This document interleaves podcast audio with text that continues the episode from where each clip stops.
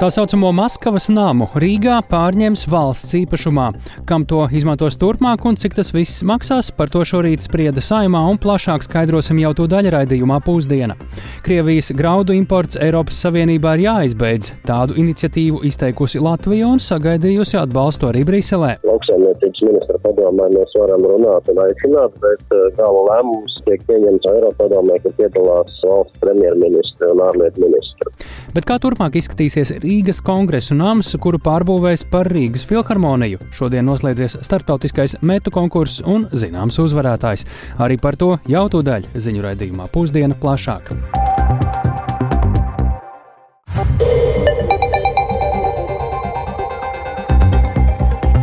Ir 12 un 5 minūtes ar 12. decembra ziņu raidījumu pusdienu. Esmu studijā šobrīd tāls eipurs un tūdaļ arī plašāk par būtiskiem tematiem. Saimnes sāk darbu ar likumu par tā saucamā Maskavas nama pārņemšanu valsts īpašumā. Steidzamības kārtā virzīto likuma projektu pirms pirmā lasījuma šodien apsprieda Saimnes aizsardzības iekšlietu un korupcijas novēršanas komisija. Nama pārņemšana gan nav gluži bez šķēršļiem. Komisijas sēdēji sakoja līdzi arī mans kolēģis Jānis Kīns. Jāni, viens ir pārņemt šo ēku, bet vai jau ir zināms, kam šo ēku paredzēts izmantot arī turpmāk un cik tās pārņemšana varētu izmaksāt un kas tad veido tās izmaksas? Jā, nu tad par visu pēc kārtas Saimnes Nacionālās drošības komisijas virzītā likumprojekta paskaidrojumā ir lasāms, kā arī pēc Krievijas pilna mēroga iebrukuma Ukrainā Maskavas namā Marijas ielā septiņi telpas esot izdomāts arī dažādiem Krievijas īstenotās agresijas atbalstītājiem. Valstī ir pienākums rīkoties, lai vērstos pret šādu aktivitāšu atbalsta vietu. Un šīs ēkas pārņemšana ļaus pārtraukt kultūras pasākumu pasākumu un interešu izglītības aizsargā Maskavas namā notiekošas Latvijas nacionālo drošību apdraudošas aktivitātes. To komisijas sēdē uzsvēra Tieslietu ministrijas parlamentārā sekretāre Lauma Paegļkalna. Pats likuma mērķis ir tieši šī valsts drošības apdraudējuma novēršana, un tātad tas ir šī pašaizsargājošās demokrātijas principa pieļauta rīcība. Maskavas nams ir tā sauktais Maskavas nams, tad šis nams Marijas ielās septiņi Rīgā, nu jau no tā dibināšanas brīža tiek izmantots kā šis tautiešu politikas instruments, bet būtībā Kremlim atbilstoša vēstures interpretācijas vieta, vieta, kurā ietekmēt Latvijas Republikas interesē pretējas naidīgas vērtības un pasākumus. Bet kā tad ar juridisko pusi? Ēkas Maskavas nams eh, īpašuma tiesības ir nostiprināts uz Maskavas pilsētas īpašuma departamenta vārda. Maskavas nama juridiskā pārstāvniecība ir saistīta ar Maskavas pilsētas domu, un tās vadība ir pakļauta starptautiskām sankcijām. Iespēju ēku pārņemt paver arī fakts, ka šai ēkai nav diplomātiskā un konsulārā likuma aizsardzības. Un ēka atrodas uz satiksmes ministrijai piedaroša zemes gabala, tāpēc ir paredzēts īpašuma tiesības nostiprināt uz valsts vārda tieši tieši satiksmes ministrijas personā. Un uh, likums paredz izveidot vienotu nekustamo īpašumu zeme plus ēka, un no likuma pieņemšanas uh, brīža septiņu dienu laikā ēka būs jāatbrīvo no mantām un citiem īpašumiem, kas tur būtu palikuši iekšā. Cita, un savukārt atstātās lietas kļūst par bezsaimnieku mantu, kas, kas attiecīgi piekrīt Latvijas valstī un par tālāko rīcību ar to lemj ministru kabinets. Likumprojekts uzliek arī attiecīgajām personām pienākumu pāreģi jāreģistrēt nekustamajā īpašumā reģistrētas juridiskās adreses, jo pašlaik šajā adresē, piemēram, aizvien ir reģistrētas Krievijas biljarda federā, Krievu biljarda federācija, eh, Krievu sabiedrība Latvijā un citas. Un eh, jāpiebilst, ka likuma izmaiņas atbalsta arī valsts drošības dienests un satvērsmes aizsardzības birojas, un abu dienestu pārstāvi to apliecināja sēdes atklātajā daļā, savukārt detalizētāku vērtējumu sniedz jau sēdes slēgtajā daļā.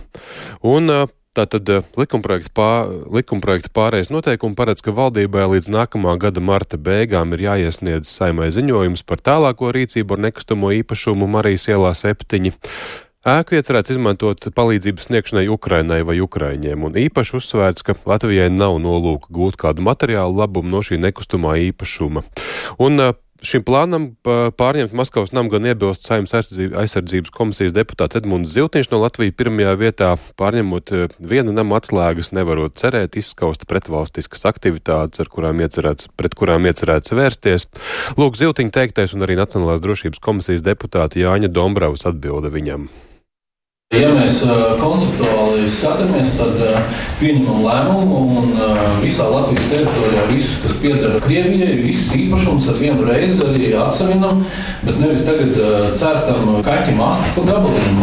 Svarīgi ir atrast ļoti skaidru precedentu, un šis precedents ir Latvijas gadījumā Maskavas nams. Es neizslēdzu iespēju, ka mūsu piemēram sekos ļoti daudz Eiropas valsts. Lūk, šādi deputāti faktiski iezīmē tās diskusijas, kas paredzamas jau drīzumā arī saimas sēdē turpmākajos lasījumos. Mm nu, un tad kam un kas un cik visā šajā procesā maksās? Jā, nu, runājot par izmaksām, pārņemot ēku, no valsts budžeta vispirms būs jāsadz 36,000 eiro parāds. Tajā skaitā par ēkas zemes nomas maksu un arī par nekustamā īpašuma nodokli, kur maksājumi esot iekrājušies. Savukārt ēkas uzturēšanas izmaksas precīzi pašlaik nav zināmas, taču satiksmes ministrija ir norādījusi, ka tās gada laikā lēšamas ap 400 tūkstošiem eiro. Un Jā, nu vēl piebildīšu, ka saimnes plenārsēdē pirmajā lasījumā šo likumu par tā saucamā Maskavas nama pārņemšanu plānot skatīt jau ir uh, jaunadēļ. Un jā, saimnes aizsardzības un iekšlietu komisija šim procesam lūdz steidzamību. Tas ir izskatīšanu divos lasījumos. Nozīmē, ka jau gan ātri varētu būt uh, gala lēmumi. Jau. Jā, arī šodien vairāk kārt izskanēja tas, ka vilcināties ar šo procesu mm. nekādā ziņā nevajadzētu. Paldies Jānim Kīncim tik tālu par Maskavas nama turpmāko likteni. Bet Latvijas iniciatīva par Krievijas graudu importa aizliekšanu Eiropas Savienībā ir sadzirdēta. To šobrīd atbalsta arī Eiropas komisijas lauksaimniecības komisārs Jānušs Vojcehovskis.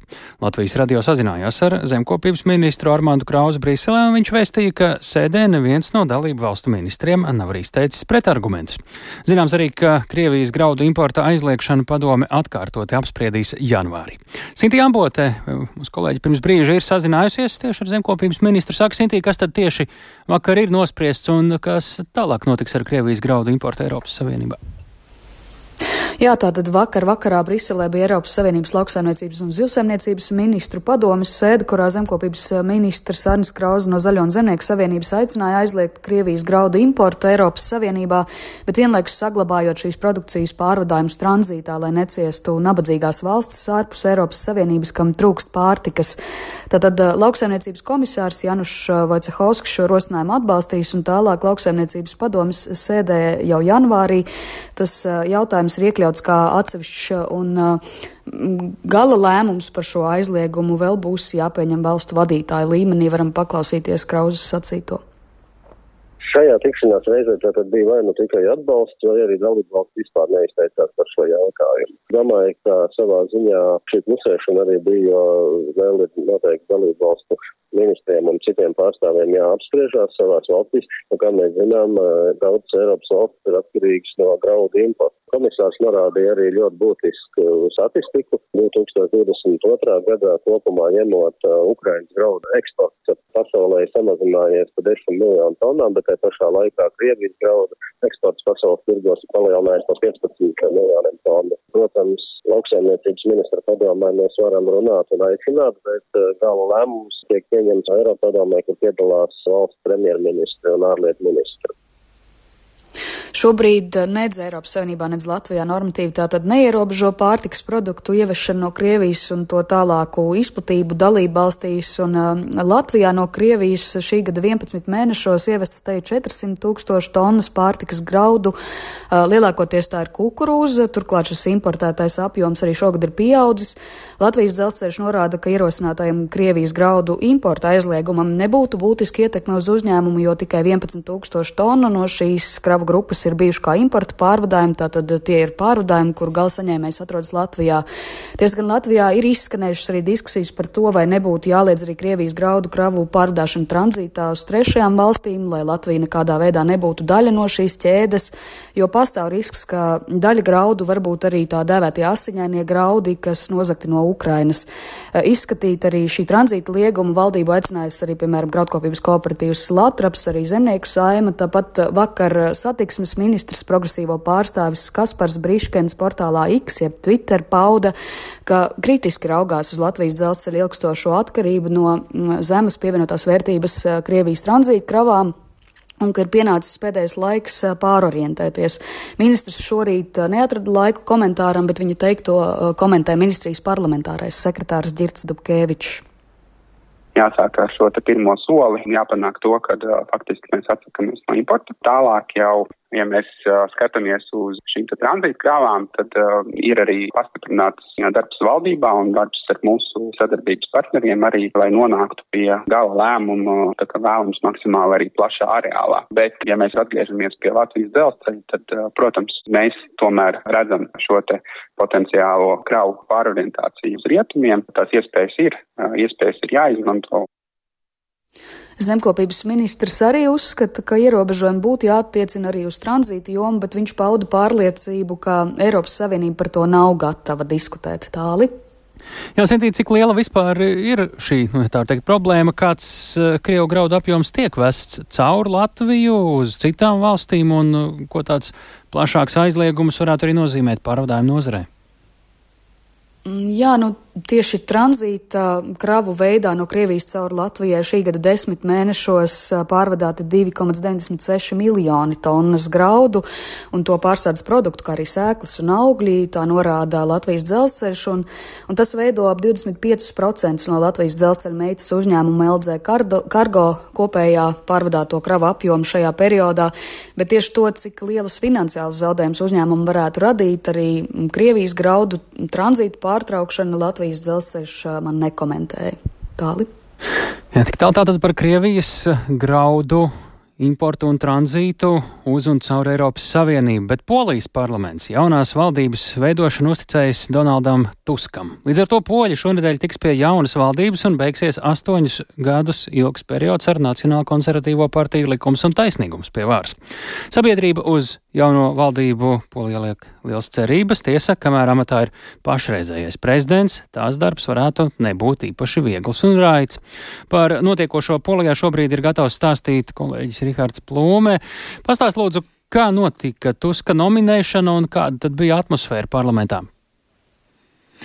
Jā, nu vakar um, Polijā diezgan daudz sekoja līdzi tam, kas notika Polijas parlamentā, un uh, sēdi skatījās arī daudzi poļi, un tam tika pievērsta liela uzmanība, un skatīties to uh, varēja šo sēdi arī kinoteātrī Varšavā uz um, lielā ekrāna. Uh, tā tas tika organizēts arī daļai cilvēku, kuri to vēlējās, un uh, tur pulcējās simtiem cilvēku, un varam paklausīties arī, ko teica viens no skatītājiem. Po ośmiu latach e, rządów partii. Mums astoņus gadus pie varas bija galēji labējā partija. Viņi ir mēģinājuši ierobežot noteiktas tiesības un brīvības. Pēc astoņiem gadiem viņu valdīšanai pienāks gals. Ich rządy, no.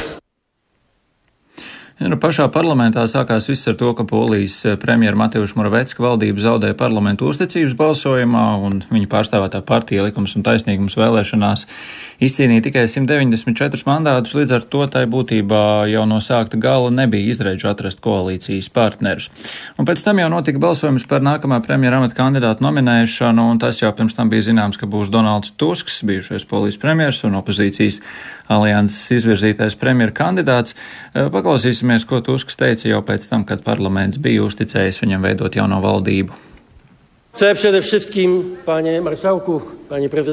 Gribu pateikties visiem poļiem. Paldies Polijai! Šī patiešām ir brīnišķīga diena nevis man, bet visiem tiem, kuri šajos garajos gados dziļi ticēja, ka būs labāki laiki un ka mēs padzīsim tumsu, ka mēs padzīsim ļaunumu, un tas notika pateicoties jums. Jūs esat to izdarījuši, bet vispirms arī miljoniem poļu. Es vēlos jums ļoti, ļoti pateikties. Serdecznie podziękować.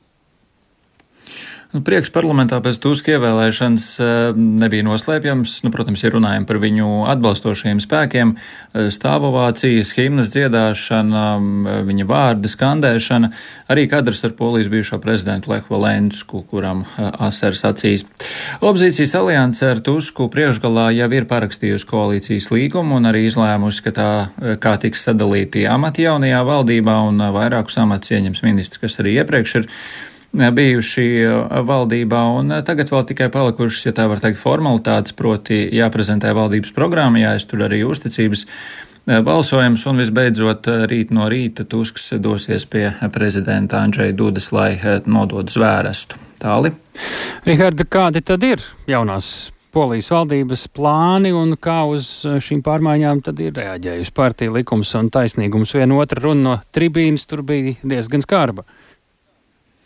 Jā, nu, opozīcija nevarētu teikt, ka ir priecīga par šo pavērsienu likums un uh, taisnīgums. Līderis Jaroslavs Kačīnskis no tribīnas Tuskam sacīja, es nezinu, kas bija tavi vecvecāki, bet es zinu, ka esi Vācijas aģents, un Vācijas kārts ir izspēlēta daudzreiz, proti tiek norādīts, ka Tusku kontrolē Brisele un Vācija centienos iznīcināt Polijas suverenitāti, kā Kačīnskis norādījis arī iepriekš, un arī vēlāk atbildot uz žurnālistu jautājumiem, Kačīnskis norādīja, ka Tusku nemaz negrasās apsveikt. Proszę Państwa, Polska moich marzeń to jest Polska bez polityków, którzy będą. Mana sapņu polija ir polija bez politiķiem, kas darbosies ārvalstu vārdā. Es to teicu vairākas reizes. Vai jūs apsveiksiet Donaldu Tusku? Jūs laikam jokojat.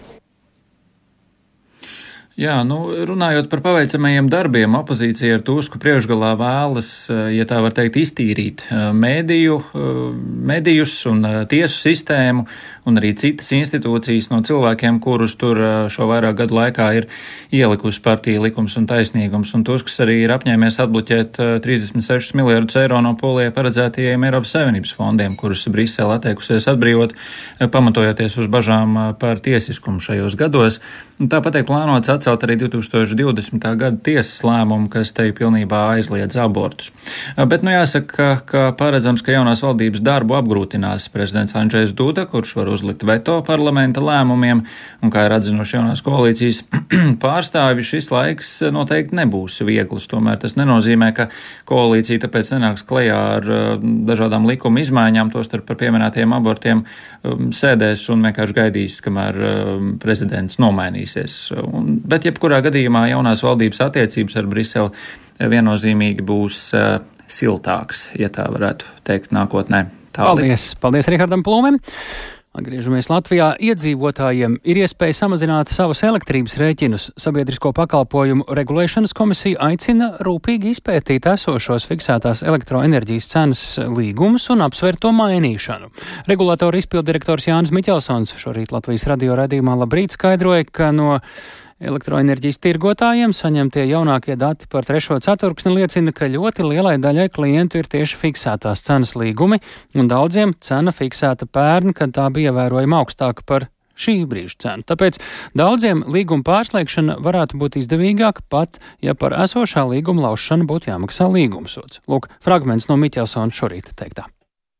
Šobrīd mēs redzam, ka apmēram 15% maisaimniecību ir izvēlējušies mainīgās cenas līgumu, kas ir piesaistīts biržas cenai, un nedaudz vairāk kā 70% ir ar konkrēti fiksētas cenas līgumu, kur no kopējiem datiem nevar redzēt, cik bieži konkrētais cenas uh, līmenis tiek pārskatīts. Bet redzams, ka vidējā cena visām maisaimniecībām, gan tām, kam ir biržas līgums, gan tām, kam ir fiksēts līgums, pār trešo ceturksni bija apmēram 16,7 centi par kilovatstundu kas ir uh, diezgan augsts līmenis. Tas nozīmē, ka tur ir līgumi, kuros ir 18 centi, 20 centi, varbūt pat vairāk kādam. Tomēr faktiski ir iespējams tirgo arī saņemt piedāvājumu par piemēram 14 centiem par kilovatstundu.